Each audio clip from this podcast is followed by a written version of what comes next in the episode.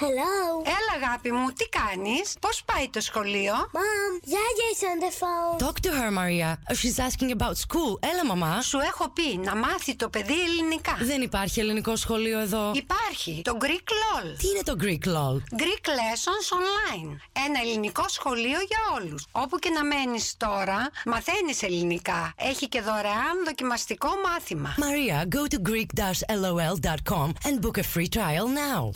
Greek Lessons Online is the biggest Greek online school and the first Greek school coming right to your door. All lessons are delivered by highly qualified native Greek teachers. Open the virtual door of the most popular and innovative online Greek school and book your free trial lesson today at greek-lol.com.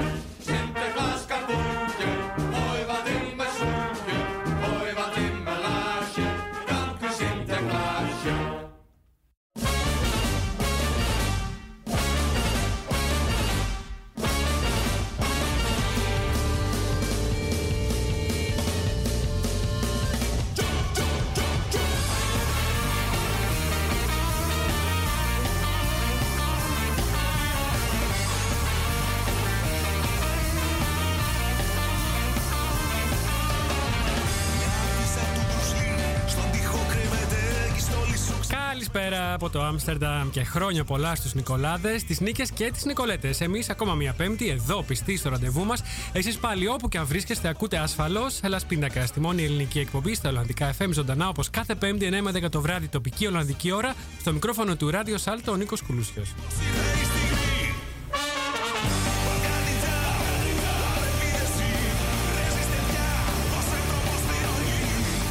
Εκπέμπουμε ζωντανά από το δημοτικό σταθμό του Άμστερνταμ. Υπάρχουν αρκετοί τρόποι για να μας ακούσετε live. Αν αγαπάτε το συμβατικό ραδιόφωνο, αυτό με την κεραία, και βρίσκεστε στο Άμστερνταμ, συντονιστείτε στο ράδιο Σάλτο. Στους 106,8 των FM. Καλωδιακά μας ακούτε από το κανάλι για τον 3,3 πάλι και μόνο στην περιοχή του Άμστερνταμ, ενώ διαδικτυακά μας ακούτε παντού στον κόσμο από το elaspindakaas.com, το site μας, με ένα κλικ στο κουμπί Listen Now.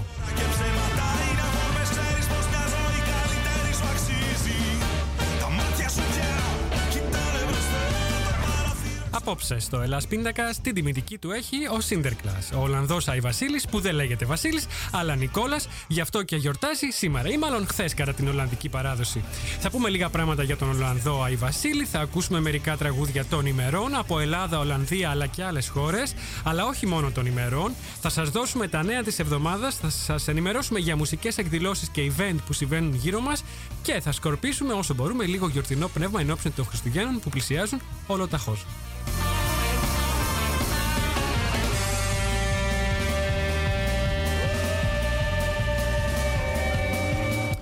Μείνετε συντονισμένοι στο Hellas Pindakaas. Μας ακούτε κάθε Πέμπτη στις 9 το βράδυ από το Radio Salto. Θα μας βρείτε και στο site μας hellaspindakas.com αλλά και στα κοινωνικά δίκτυα στη σελίδα μας σε Facebook, Twitter και Instagram.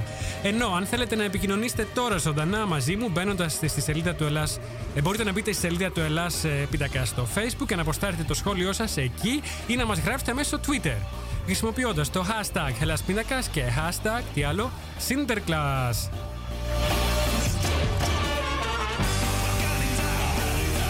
Αυτό είναι το κομμάτι, λέγεται Balkan Ninja. Ανήκει στους Μπαίλτισα, δίνει μουσικά την έναρξη της εκπομπής κάθε Πέμπτη και ευχαριστώ την μπάντα που μου το παραχώρησε για το Ελλάς Πίντακας.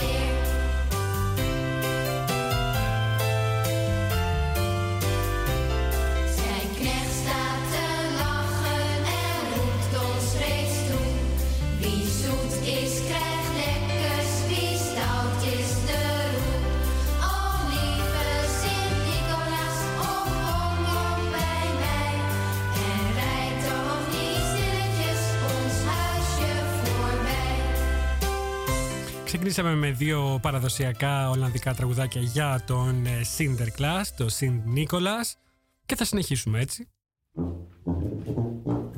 Sinterklaas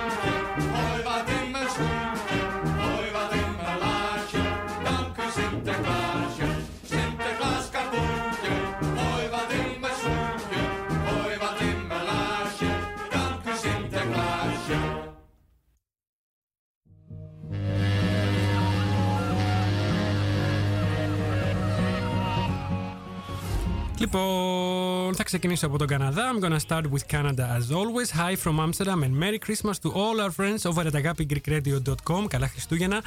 Και hi to all our Facebook friends too from all over the world. Hi to Alba and Lumir. Χαιρετίσματα και πολλέ γιορτινέ ευχέ στη Γιώτα Μπαρόν, στη Μαριάννα Φωτιάδου, στο Στέφανο Πολίζο, στον Ιω- Ιωάννη Παπαδόπουλο, στη Δέσποινα Χριστοδούλου, στο Σπύρο Γκόγκα, στην ανιψιά μου τη Μαριάννα που μας ακούει από το Βελιγράδι, ένα γλυκό φυλάκι και από μένα, στη Βίβιαν Χιονά, την ψυχολόγο μας από το Expat Nest, στον Αντώνη και του Super Greek, στην Τέτη και τον Γιώργο, στον Παναγιώτη, στον Πασχάλη που μας ακούει από Θεσσαλονίκη και φυσικά στον εκτίμητό μου συνεργάτη, τον Art Director Νίκο Δουλό. is gekomen, pepernoten in je schoentje. Zouden groenten, zit voorkomen. Zwarte pieten, 5 december. Pakjesavond,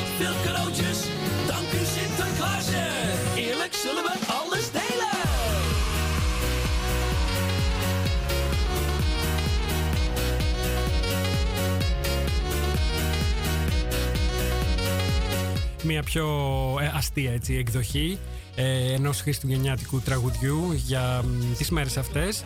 Ε, Ολλανδικού τραγουδιού φυσικά. Τώρα, αφού ξεκινήσαμε μουσικά με Ολλανδικά τραγουδάκια για τον Sinterklaas, να δούμε λίγο και ποιος είναι τελικά ο Sint Nicholas και ποια η σχέση του με τον Santa Claus κατά την Ολλανδική παράδοση.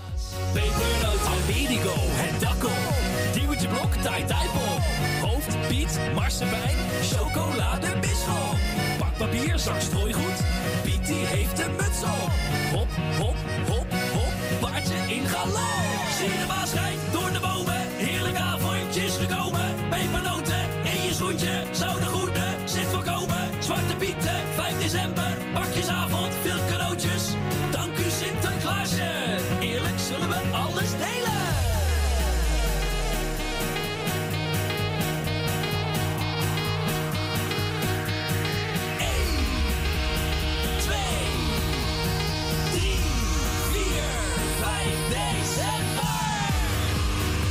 Καταρχήν να πούμε ότι ενώ το concept είναι το ίδιο, πρόκειται για έναν Άγιο που μοιράζει δώρα τα Χριστούγεννα, το όνομά του και η ιστορία του αλλάζει κάπως από χώρα σε χώρα, στην Ολλανδία συγκεκριμένα. Ο Σιντ Νίκολας είναι η κεντρική φιγούρα των Χριστουγέννων, αλλά γιορτάζει βασικά την παραμονή του Αγίου Νικολάου, χθες δηλαδή 5 του Δεκέμβρη.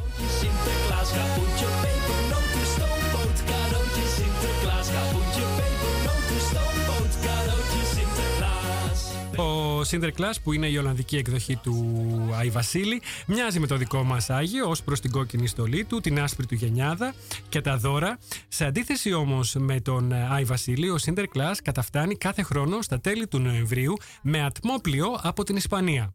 Βοηθός του είναι ο Μαύρος Πίτερ, ο Σβάρτε Πιτ, ένα μικρό αγόρι που τον βοηθά με τα δώρα τα οποία μοιράζονται στις 5 του Δεκέμβρη, όπου και γιορτάζεται η ιστορική φιγούρα του Αγίου Νικολάου. Σιντ Νικολάς.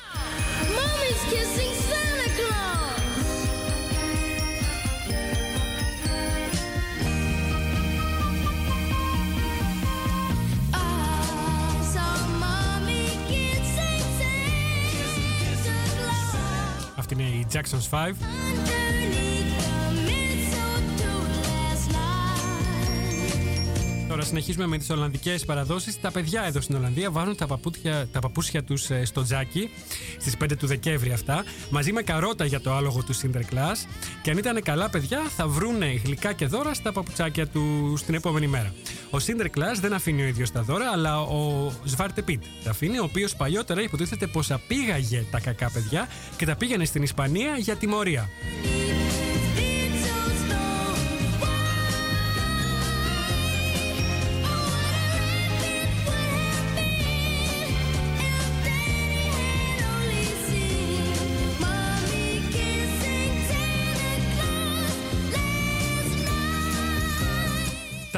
Χριστούγεννα τώρα, στις 25 δηλαδή του Δεκέμβρη, οι Ολλανδοί γιορτάζουν έναν παρεμφερή, αλλά όχι πανομοιότυπο Άγιο, τον Santa Claus, που είναι η πιο διεθνοποιημένη εκδοχή του Άι Βασίλη.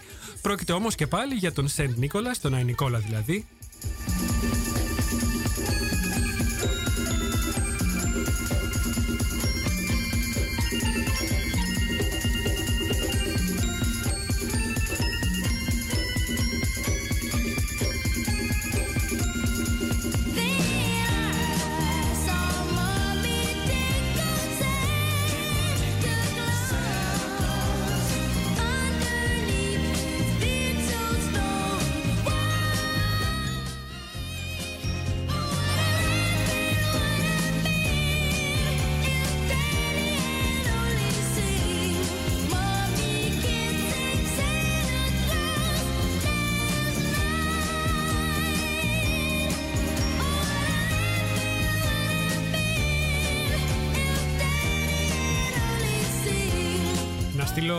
χαιρετισμάτα και στην Σοφία Ποριαλίδου Γιώχανσον αλλά και στον Κένεθ Νταμ Σιγκ.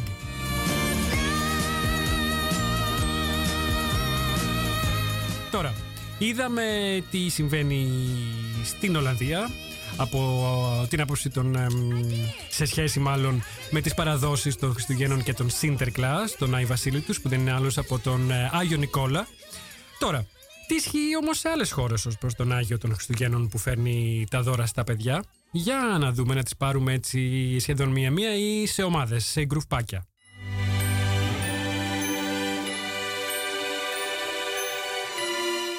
Στη Μεγάλη Βρετανία αλλά και σε Ισπανία, Πορτογαλία, Ιταλία και άλλες χώρες γιορτάζουν τον Father Christmas.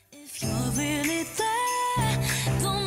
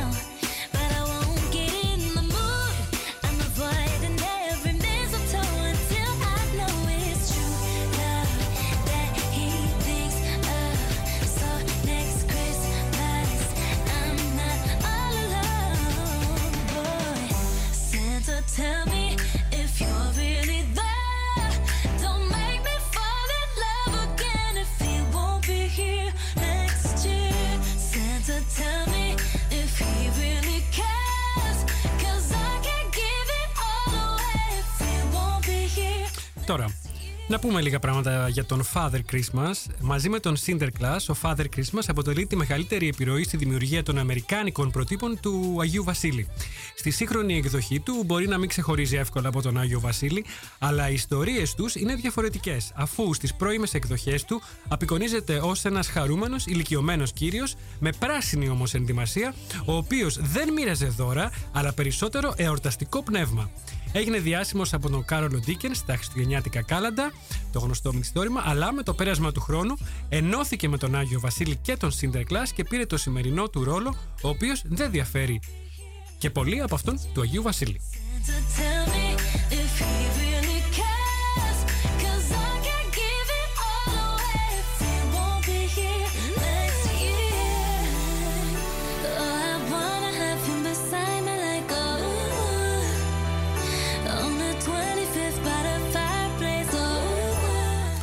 Μόνο ο Άι Βασίλης όμως και ο Sinterklaas φέρνουν ε, δώρα.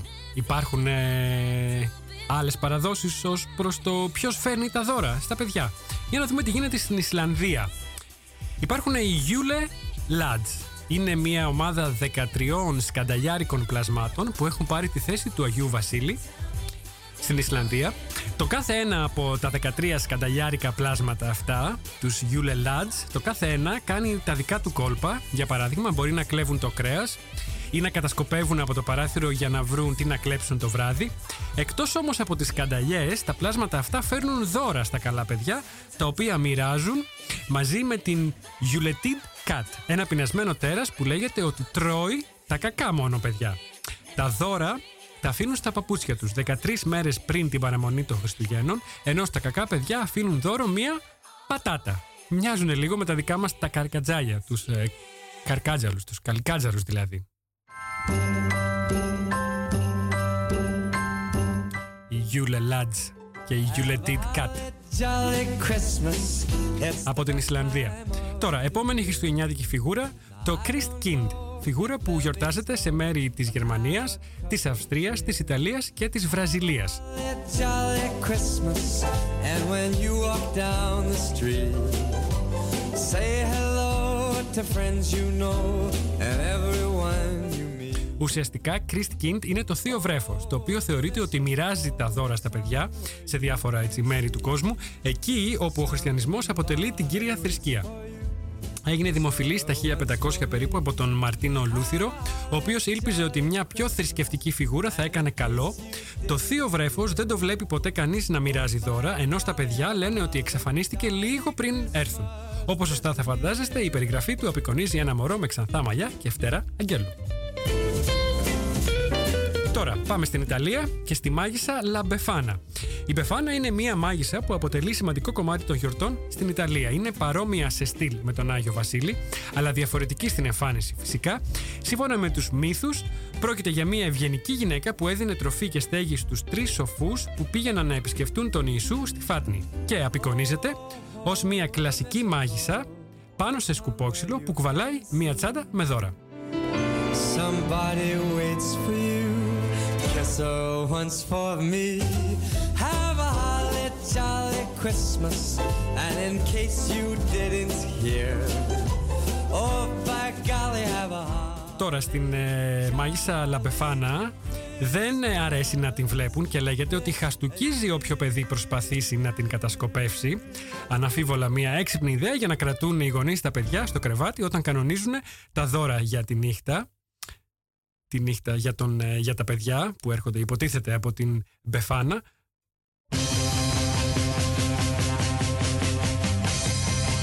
Τώρα, όπως και ο Άγιος Βασίλης, η Πεφάνα κατεβαίνει από την καμινάδα για να μοιράσει τα δώρα και αφήνει λίγο κάρβουνο ή στάχτη για τα άτακτα παιδιά. Ενώ λέγεται πως ρίχνει και ένα σκούπισμα στο σπίτι γύρω από το τζάκι πριν φύγει. Telling you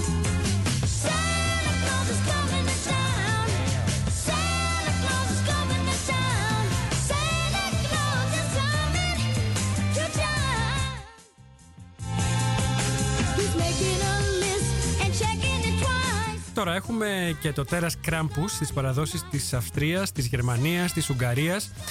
Ε, τι είναι τώρα αυτό το τέρας Κράμπους. Στις αλπικές χώρες, ο Άγιος Βασίλης είναι σχεδόν ο ίδιος χαρούμενος ηλικιωμένος κύριος που μοιράζει δώρα, με μία διαφορά όμως. Τον συνοδεύει ένα τρομακτικό και αιμοβόρο τέρας. Μοιάζει λίγο με την ιστορία της Ισλανδίας και το άλλο τέρας, την Yuletide Cat, που βοηθά τους εμ, ε, Yule Lads. Τέλος πάντων, λοιπόν, το τρομακτικό και αιμοφόρο, αιμοβόρο αυτό τέρας που ονομάζεται Κράμπους τιμωρεί τα κακά παιδιά με μεσαιωνικές τιμωρίες.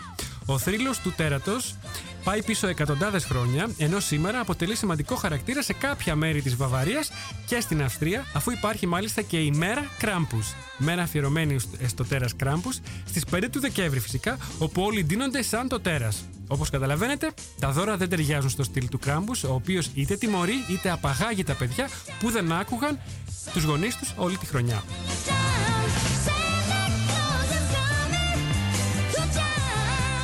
Και τέλος έχουμε τη φιγούρα του παππού του πάγου, a.k.a. Dead Moroz, από τις παραδόσεις της Ρωσίας, της Σερβίας, της Βοσνίας, της Ουκρανίας, των Σκοπίων, της Πολωνίας και άλλων χωρών της πρώην Σοβιετικής Ένωσης. Ο παππούς του πάγου μοιράζει δώρα στις σλαβικές χώρες της Ανατολικής Ευρώπης, όπως και ο Άγιος Βασίλης, φορά κόκκινη στολή και έχει άσπρο μουσι, αλλά δεν χρησιμοποιεί ταράντους και έλκυθρα, προτιμά τον παραδοσιακό ρωσικό τρόπο με τα τρία άλογα. Ο Ντέτ Μωρός καταφτάνει την παραμονή της πρωτοχρονιάς ή την πρωτοχρονιά και φέρνει δώρα για τα παιδιά, βάζοντάς τα κάτω από το δέντρο, αν και σε διαφορετικές βερσιόν εμφανίζεται στα πάρτι και μοιράζει τα δώρα χέρι-χέρι. Μοιάζει λίγο με το δικό μας Άι Βασίλη, κάπως, τουλάχιστον ως προς την, προ- ως προς την ημέρα της γιορτής του, την πρωτοχρονιά.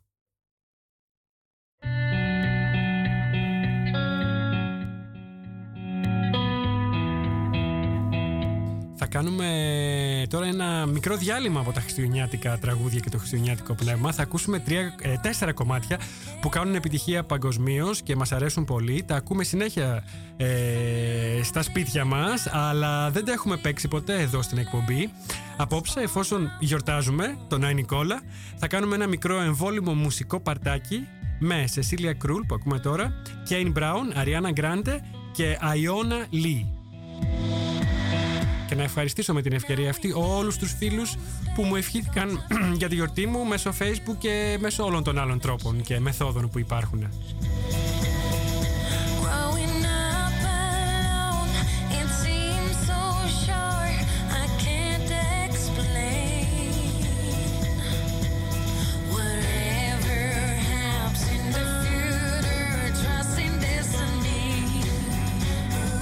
Το κομμάτι το ξέρετε, λέγεται My Life is Going On και είναι φυσικά από την ε, σειρά που είδαμε και αγαπήσαμε, La Casa de Papel.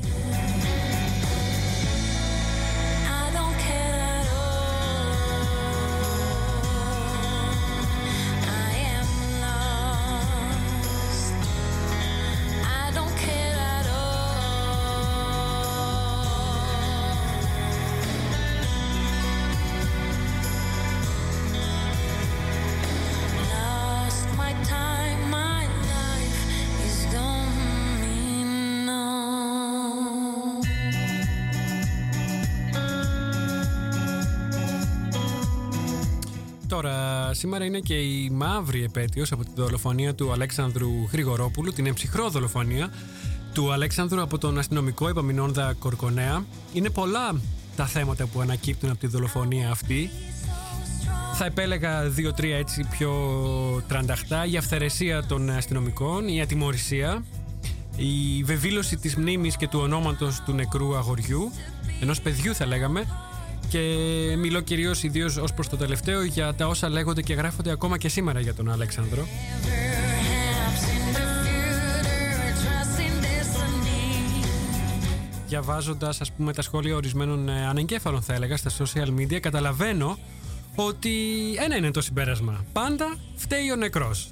Είτε λέγεται Αλέξανδρος, είτε λέγεται Ζακ, είτε λέγεται Φίσας.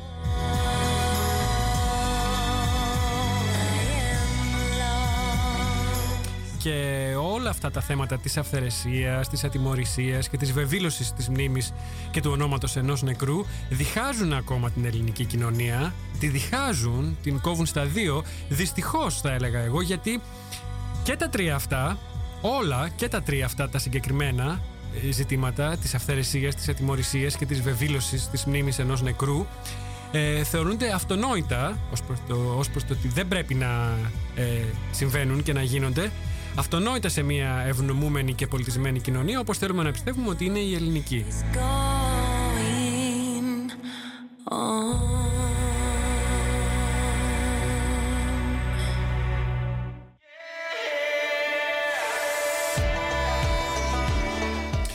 10 χρόνια συμπληρώνονται σήμερα από τη δολοφονία του 15χρονου Αλέξανδρου Γρηγορόπουλου. Η δικαστική μάχη δεν έχει λήξει ακόμα, καθώς ο Κορκονέας δικάζεται σε δεύτερο βαθμό. Η επόμενη συνεδρίαση του δικαστηρίου στο Μικτόρκο το εφετείο της Λαμίας έχει οριστεί για τις 10 του Δεκέμβρη.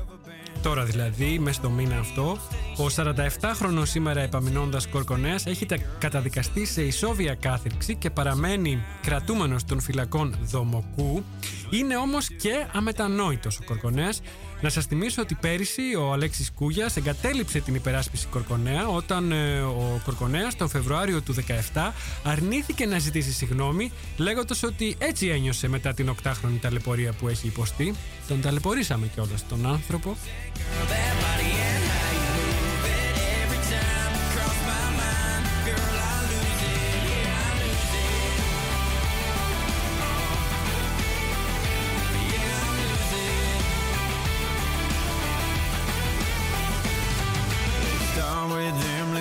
Casey's baby, kick 'em to the floorboard. And Bobby pins holding your hair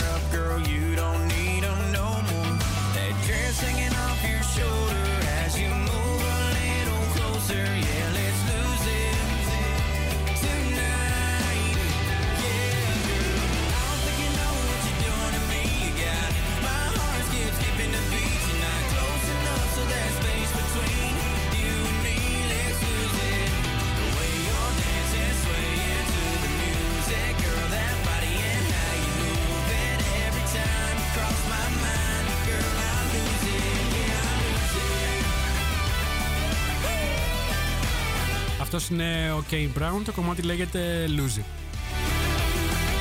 Να σας υπενθυμίσω ότι το συμμαχικό διαδικτυακό ραδιόφωνο από το Τορόντο του Καναδά, το Αγάπη Greek Radio, αναμεταδίδει το Ελλάς Πιτακά στην εκπομπή μας μέσω διαδικτύου σε όλο τον πλανήτη για όσους είστε στην Ολλανδία ή σε κάποια χώρα με την ίδια ώρα με την Ολλανδία. Μας ακούτε από το agapigreekradio.com σε ηχογραφημένη αναμετάδοση, σε κονσέρβα δηλαδή, κάθε μέρα στις 12 το μεσημέρι και στις 9 το βράδυ.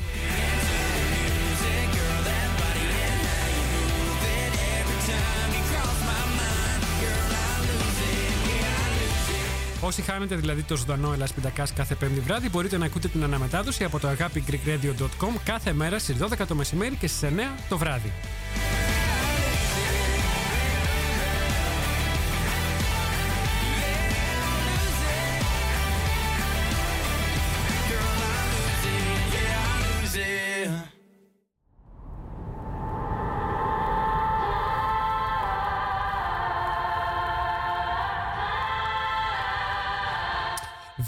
On demand που λέμε, όλες τις παλαιότερες ε, εκπομπές μας μπορείτε να τις ακούτε και μέσα από το site μας, elaspinacas.com, μέσα από την ενότητα εκπομπές ή απλά μέσα από το κανάλι μας στο SoundCloud.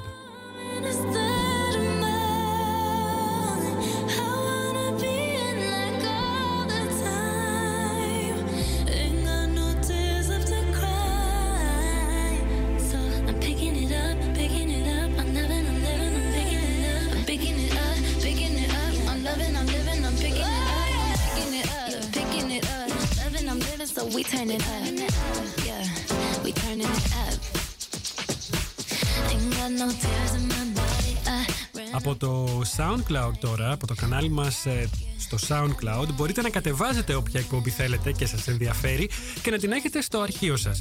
Μπείτε στο SoundCloud του Ελλάς Πίντακας, βρείτε την εκπομπή που θέλετε, κάνετε ένα κλικ στο κουμπί More και μετά στο Download.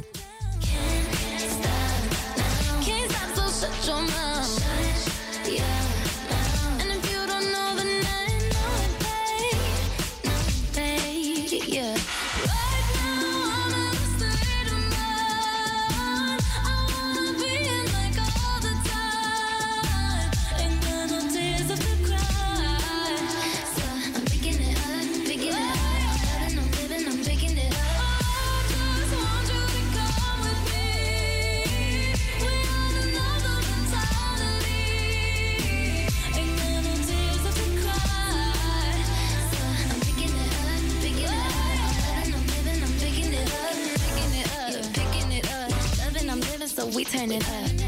Yeah, we turn it up. They point out the colors in you. I see them too, and boy, I like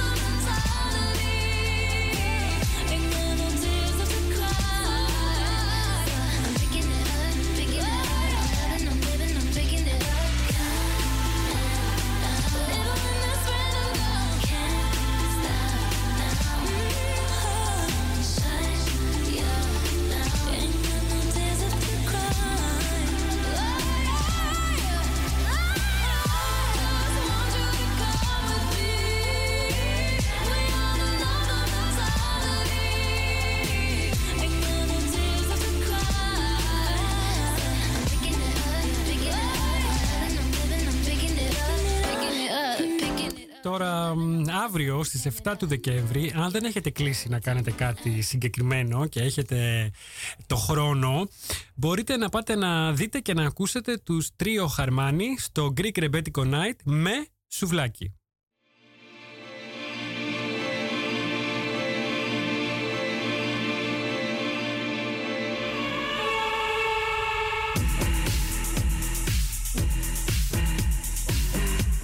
Αφήσαμε πίσω μας πριν την Ariana Grande που ακούσαμε για δεύτερη φορά σήμερα. Ε, το προηγούμενο ήταν το No Tears Left to Cry και τώρα ακούμε Iona Lee Not Human. Σας έλεγα όμως μέχρι να μπει η Iona Lee στο κομμάτι για ένα μουσικό event αύριο στις 7 του Δεκέμβρη. Είναι το τρίο Χαρμάνι σε ένα Greek ρεμπέτικο night, βραδιά ελληνικού ρεμπέτικου, with σουβλάκι. Με σουβλάκι. Greek ρεμπέτικο night with σουβλάκι. Πού? Στο Mix 3 Schiplouden 12 στο Άμστερνταμ. And out of bliss, I closely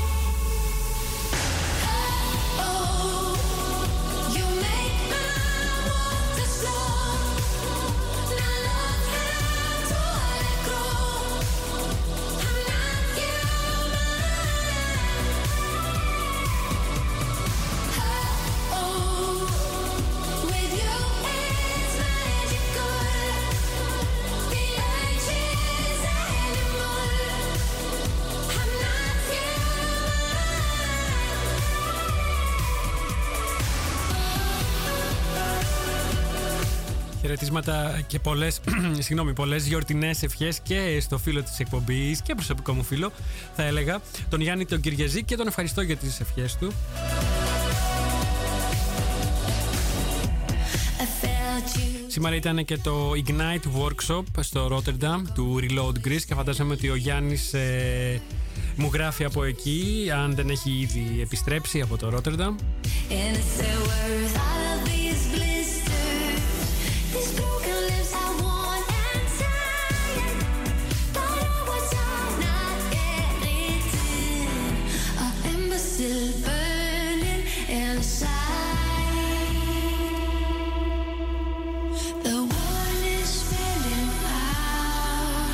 Χαιρετίσματα και πολλές ευχές και στη Μαρία Σκούλα. Are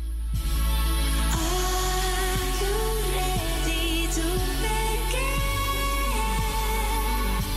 Αυτή που ακούμε είναι, το, είναι η Iona Lee, ένα καταπληκτικό κομμάτι, μας αρέσει πολύ, είναι το Not Human και για όσους ε, δεν έχουν καταλάβει ακριβώς πού κολλάνε αυτά τα τρία, τέσσερα κομμάτια που ακούμε ε, στο τελευταίο τέταρτο σε σχέση με το θέμα της εκπομπής σήμερα, να επαναλαμβάνω ότι κάνουμε ένα διάλειμμα από τα χριστουγεννιάτικα τραγούδια για να ακούσουμε τρία-τέσσερα κομμάτια τα οποία τα αγαπάμε πολύ και δεν έχουμε βρει ευκαιρία να τα παίξουμε στην εκπομπή γιατί παίζουμε συνήθως ελληνική μουσική. Οπότε απόψε, εφόσον γιορτάζουμε τον Άι Νικόλα, τον Σίντερκλας, τον Ολλανδό Άι Βασίλη ε, και όλους τους Νικολάδες και τις Νικολέτες κάνουμε ένα μικρό εμβόλυμο μουσικό παρτάκι με Σεσίλια Κρούλ, ακούσαμε ήδη το κομμάτι από το La Casa de Papel με Κέιν Μπράουν, το κομμάτι Lose It Ariana Grande, το Not Is Left to Cry και τώρα ακούμε Iona Lee και Not Human.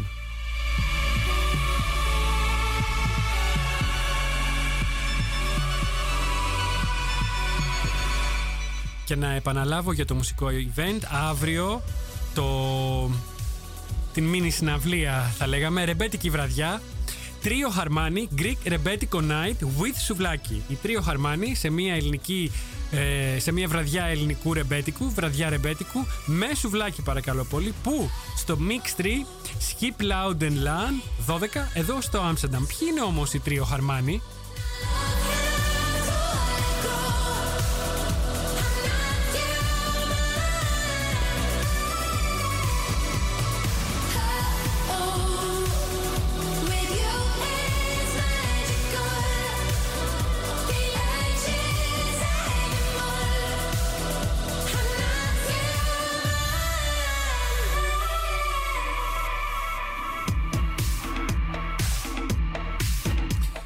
Τους ε, δύο από τους τρεις που αποτελούν το τρίο Χαρμάνι Ε, τους ξέρετε και από το Ελλάς Πιντακάς έχουν έρθει και έχουν παίξει εδώ. Μουσική ιδίως ο Τόμας Χάουρσμαν έχει παίξει νομίζω δύο ή και τρεις φορές live εδώ στο Ελλάς Πιντακάς ποιοι είναι λοιπόν οι τρίο Χαρμάνι; Ε, θα ξεκινήσουμε από την κοπέλα της παρέας είναι η Λιδία Σταυράκη. Ε, κάνει φωνητικά και drums παίζει drums. Μεγάλωσε στη Θεσσαλονίκη να ακούμε και μ, το επόμενο κομμάτι. Να σας πω ότι επιστρέφουμε τώρα σιγά σιγά στην κανονική μουσική ροή της εκπομπής για απόψε με τραγούδια για τα Χριστούγεννα και τον Άι Βασίλη. Ε, όπως και αν λέγεται αυτός ε, από όπου και αν προέρχεται τώρα όμως ε, ακούμε ένα πολύ ιδιαίτερο κομμάτι από τον Χάρη και τον Πάνο Κατσιμίχα ε, που έχει γραφτεί για το γνωστό σε όλους μας κοριτσάκι με τα σπίρτα. Χιόνι Σπίρτα στο δρόμο Άρχισε το ψωμόνι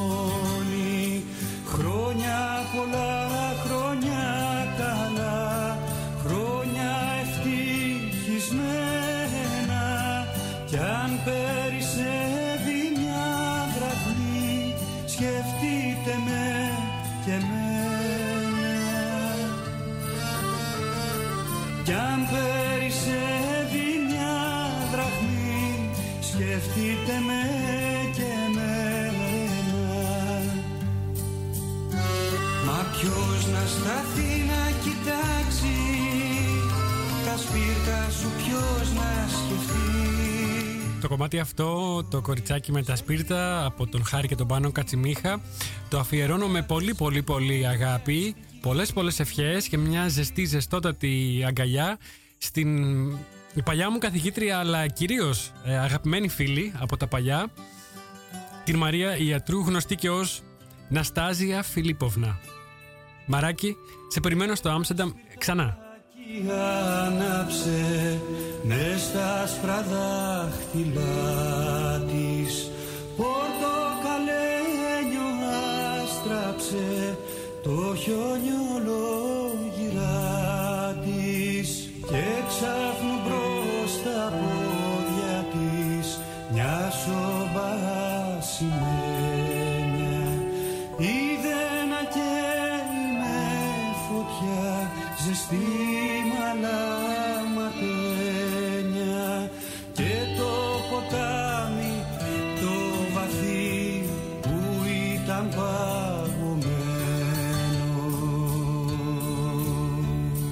Pelamsız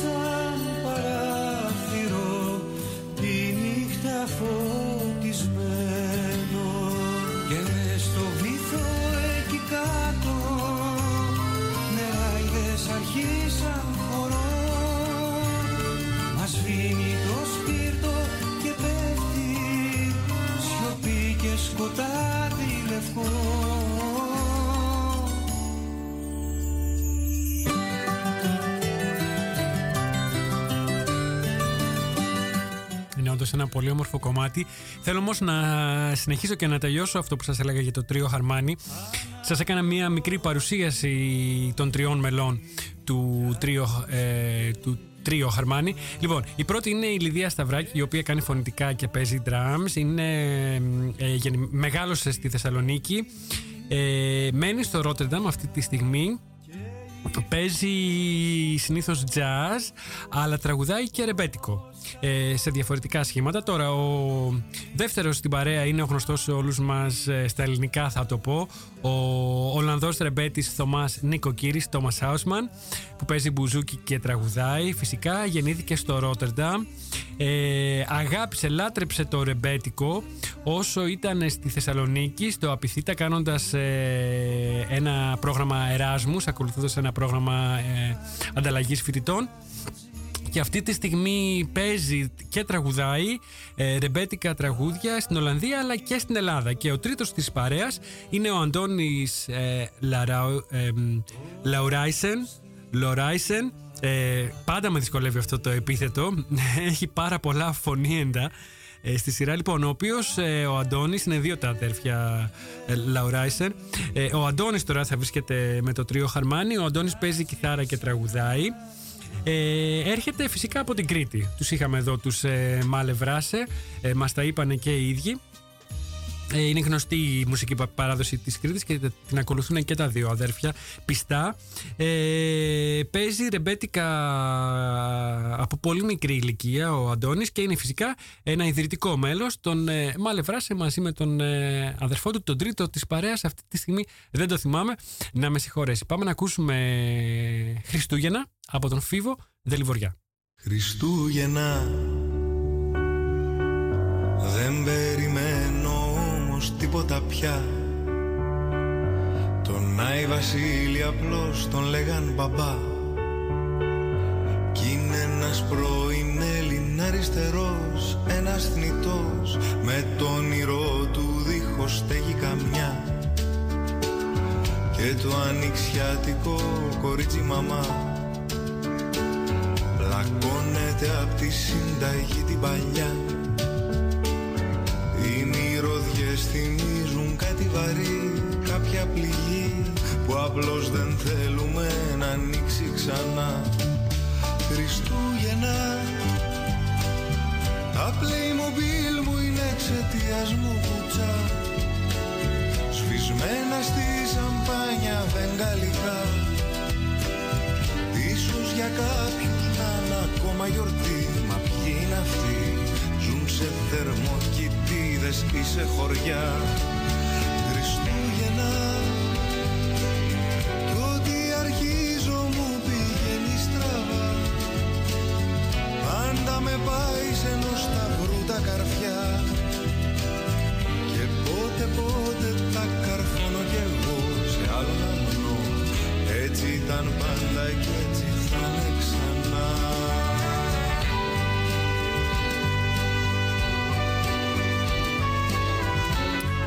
κάνω μια αναφορά σε όσους μπήκαν στον κόπο να μου γράψουν δύο-τρεις έτσι ωραίες κουβέντες, γλυκές ε, ευχετήριες στο, στο facebook του, τουλάχιστον που το έχω εδώ εύκαιρο. Θα ξεκινήσω με πολλά πολλά ευχαριστώ και ανταπόδοση, ανταπόδοση των ευχών. Από την, ε, θα ξεκινήσω με την Ευανθία Σακελάρη. Ευχαριστώ πολύ για τις ευχές Ευανθία. Ε, ευχαριστώ επίσης Πού είστε, σας έχασα. Πάντοτε αποδεκτό Τα έχασα όλα τα παιδιά. Έμεινα στην Ευανθία. Λοιπόν, ευχαριστώ επίσης τον ε, Στέλιο Δαμίγο, τη Χριστίνα Καμπούρη, ε, που είναι κάτι παραπάνω από φίλοι.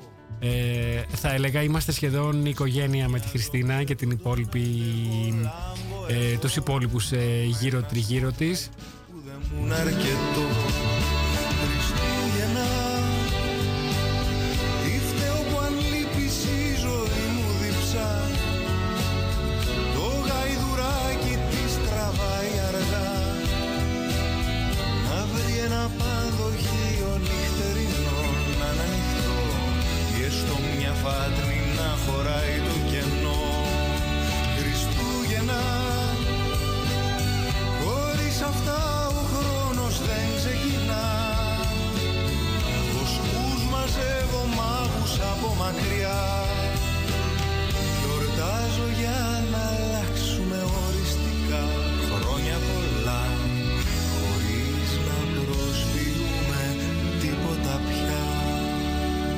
Να ευχαριστήσω επίσης για τις ευχές του τον ε, φίλο, θα έλεγα, τολμώ να πω, τον Μανώλη, τον Μαυρομάτη, ε, που είναι καθηγητής στη Χάγη και τον ευχαριστώ για όλα όσα έχει κάνει, για τις ευκαιρίες που μου έχει δώσει ε, μ, το τελευταίο διάστημα ιδιαίτερα.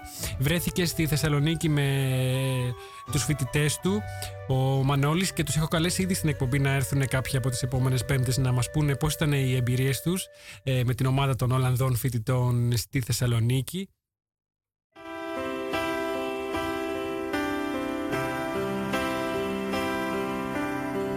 Έξω σωπαίνει ο καιρός και καλοδέχεται Μια υποψία από χιόνι σαν διοδρόμο Από το τζάμι έξω βλέπεις και ονειρεύεσαι. Αυτή τη νύχτα που σταμάτησε ο χρόνος. Είναι Χριστούγεννα ξανά και όλοι χαίρονται. Να ευχαριστήσω επίσης ε, για τις ευχές τους. Την παλιά μου συμμαθήτρια που την αγαπώ π- πολύ πολύ. Συνεχίζω να την αγαπώ παρόλο που δεν βλεπόμαστε. Έχουμε καιρό να τα πούμε. Τη Φιλιππία. Τη Φιλιππία Εμμανουήλ που είναι στο Λονδίνο. Ε, ευχαριστώ επίσης ε, στον Τζον Βαρκάρη, στη φίλη μου, την κολλητή μου από το σχολείο. Ε, από τις λίγες από τους λίγους φίλους που έχω κρατήσει αρκετά κοντά μου, τη φίλη μου τη Βάσια, την Καραμαλή. Χαιρετίσματα επίσης και ευχαριστώ για τις ευχές στον Παύλο, στον Κώστα τον Ουζούνη, που είμαστε επίσης κάτι σαν οικογένεια από τα Μάλχαρα, ένα από τα δυο μου χωριά, από της μαμάς μου την πλευρά. Ε, ευχαριστώ επίσης τον Αλέξανδρος Γιώγα, τον ε, Νίκο Δούλο φυσικά που βρήκε το χρόνο να μου απαντήσει και να μου αντευχηθεί και αυτός σήμερα. Την, Δήμη- την Δήμητρα Μαργαρέτ. Πετάει ψηλά τη μολυβένια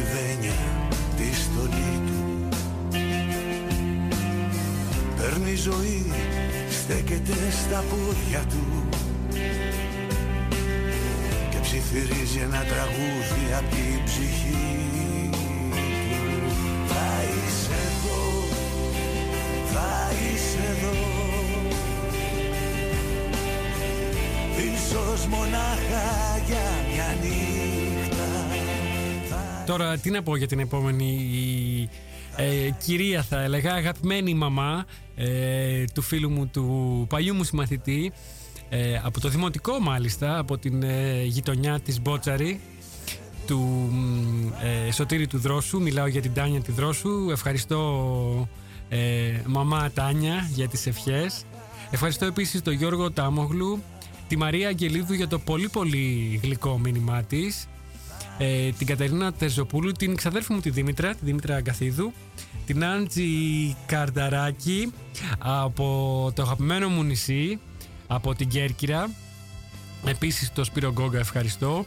Ε, την Ελένη Πύλη, τον Τόμας Γιούγκ, την Τέμπορα Ντεφρίς, την Ωρα Θωμαίδου. Ευχαριστώ πάρα πολύ τη Μαριάννα Φωτιάδου, τα είπα και στην αρχή για τη Μαριάννα.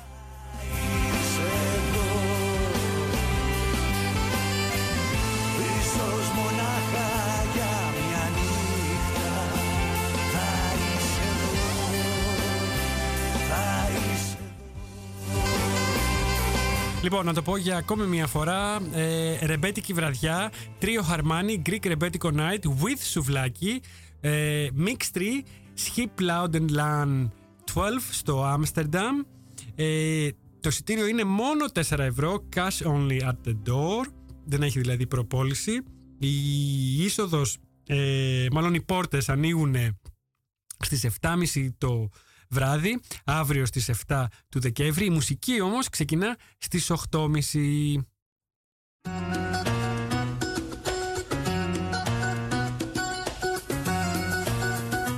Και κάτι ακόμα, το Σάββατο 15 Δεκέμβρη στο καφέ Ντουέντε στο Άμστερνταμ Flamengo Singing Classes. Μαθήματα τραγουδιού Flamengo από τη φίλη της εκπομπής την Γιώτα Μπαρόν. Συνεχίζονται τα μαθήματα και εμείς στηρίζουμε όπως μπορούμε τους φίλους της εκπομπής και ιδιαίτερα όσους είναι τόσο δραστήριοι όσο η Γιώτα Μπαρόν.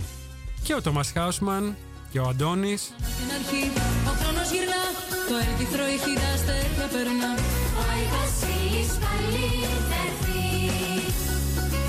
Ο σάκος βαρύς θα βρεις στο τζάκι σε μπρος. Ο Άι Βασίλης πάλι θα έρθει. Σε βλέπει όταν κοιμάσαι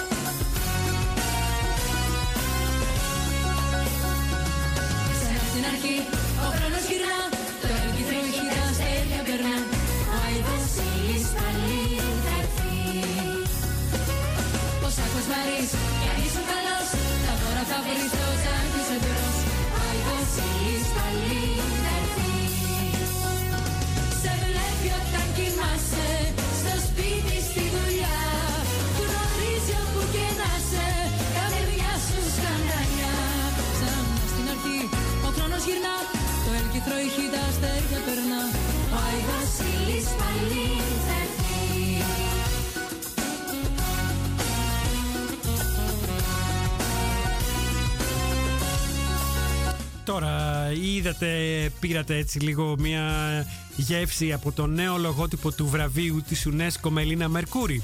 Το ποστάραμε και στο facebook του Ελλάς Πιτακάς εμείς ε, σήμερα. Είναι πανέμορφο. Σπίτι στη δουλειά Γνωρίζει όπου και να σε Κάθε μια σου σκανδαλιά Γνωρίζετε τι είναι το βραβείο Μελίνα Μερκούρη; Λοιπόν, θα σας πω λίγα ε, πράγματα γιατί είναι σημαντικό νομίζω. Είναι από τα λίγα ε, βραβεία, διεθνή βραβεία που έχουν ελληνική σφραγίδα, ελληνικό χρώμα, ελληνικό άρωμα. Πρόκειται μάλλον ανταποκρίνονται σε μια ελληνική ε, πρωτοβουλία. Το βραβείο Μελίνα Μερκούρη δίνεται μ, από την UNESCO και την ελληνική δημοκρατία σε προσωπικότητες που με τη δράση τους προσπάθησαν να αναδείξουν ή να προστατεύσουν πολιτιστικές κληρονομιές παγκοσμίου ενδιαφέροντος. Το βραβείο έχει επίσημη ονομασία Διεθνές Βραβείο Μελίνα Μερκούρη για την προστασία και διαχείριση πολιτιστικών περιοχών UNESCO Ελλάδα.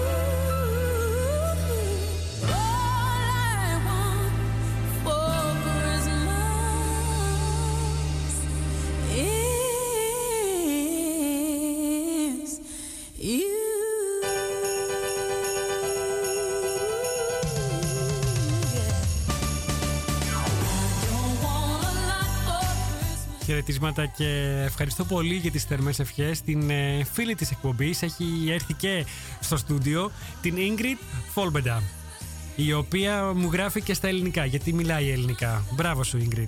Ευχαριστώ πολύ. Καλές γιορτές να έχεις και εσύ. Λοιπόν, σας έλεγα για το... μ, Το βραβείο, το Διεθνές Βραβείο Μελίνα Μερκούρη για την προστασία και διαχείριση πολιτιστικών περιοχών ε, UNESCO Ελλάδα. Αυτό το βραβείο συμπεριλαμβάνει ένα, ένα δίπλωμα και ένα σύνολο χρημάτων, το ποσό του οποίου θα καθορίζεται ξεχωριστά σε κάθε διετία ανάλογα με τα διαθέσιμα ποσά. Ο σκοπός του Διεθνούς Βραβείου Μελίνα Μερκούρη είναι η απονομή του για ενέργειες ανθρώπων που αποσκοπούν στη διάσωση και ανάδειξη χώρων πολιτισμού που έχουν διεθνές ενδιαφέρον. Είναι αφιερωμένο φυσικά στο όνομα της, ε, μεγάλης, της, της μεγάλης, της ανεπανάληπτης Μελίνας ε, μίας, ε, μ, ε, η οποία υπήρξε μία πρόδρομος όλων αυτών των ενεργειών, εμπνεύστρια του διαλόγου για την ανάδειξη των χώρων και επανένωσή τους ε, για όσους χώρους έχουν αφαιρεθεί κομμάτια τους και βρίσκονται διασκορπισμένα σε μουσεία ανά τον κόσμο, μία ξέχαστη ηθοποιό, το λιγότερο θα λέγαμε, ε, μία μοναδική ανεπανάληπτη υπουργό πολιτισμού για την Ελλάδα, ένα σύμβολο, ε, icon που λένε και οι Εγγλέζοι, και απροπό υπάρχει και μεγάλη κινητικότητα και στο θέμα της επιστροφής των Μαρμάρων τον τελευταίο καιρό που πρώτη ανέδειξε η μεγάλη Μέλινα Μερκούρη. Για να δούμε τι θα γίνει και σε- σε αυτό το μέτωπο.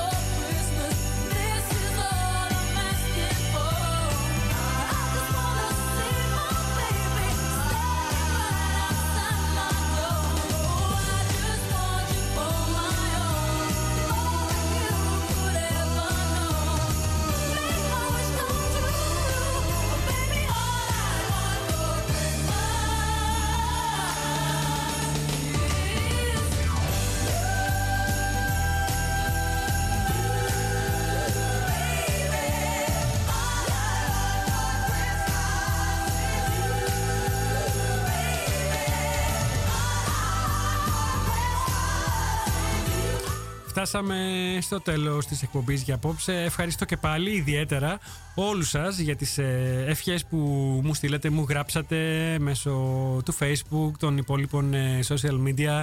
Ε, και μέσω φυσικά μηνυμάτων ε, και τηλεφωνικών έτσι, κλήσεων. Καλά Χριστούγεννα να έχουμε. Καλές γιορτές σε όλους, ε, όπως και να τις γιορτάζετε. Ε, να ευχηθώ καλές γιορτές, χωρίς μίση, χωρίς πάθη. Ε, τα, για τα κακά πάθη μιλάω. Χωρίς πολέμους όσο γίνεται. Χωρίς μυσαλλοδοξίες όσο γίνεται. Χωρίς χρυσές αυγές. Χωρίς καθόλου χρυσές αυγές, όχι όσο γίνεται. Χωρίς καθόλου χρυσές αυγές, ούτε μία, σε καμία χώρα.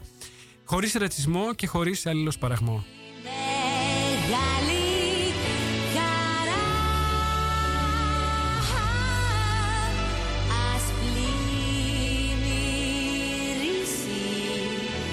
καρδιά Δεν είπαμε τίποτα για την ε, αποκαθήλωση του I Am Amsterdam, του ε, γλυπτού αυτού ε, λογότυπου από την ε, πόλη του Άμστερνταμ, από το Δήμο του Άμστερνταμ, το οποίο, στο οποίο έχουν φωτογραφηθεί πάρα πολλοί τουρίστες. Είναι τεράστια γράμματα που γράφουν I Am Amsterdam με, ε, σε κόκκινο και λευκό χρώμα. Συνήθως ε, βρίσκεται στημένο μπροστά στο Rijksmuseum, χαλώντας ως ένα βαθμό την αρμονία που έχει όλος ο χώρος του Museum Quartier, του τετραγώνου με τα μουσεία. Θα μιλήσουμε όμως για αυτό το θέμα στην επόμενη εκπομπή, γιατί βλέπω ότι ανταποκριθήκατε πολύ και μαζικά σχεδόν στο σχόλιο που έγραψα.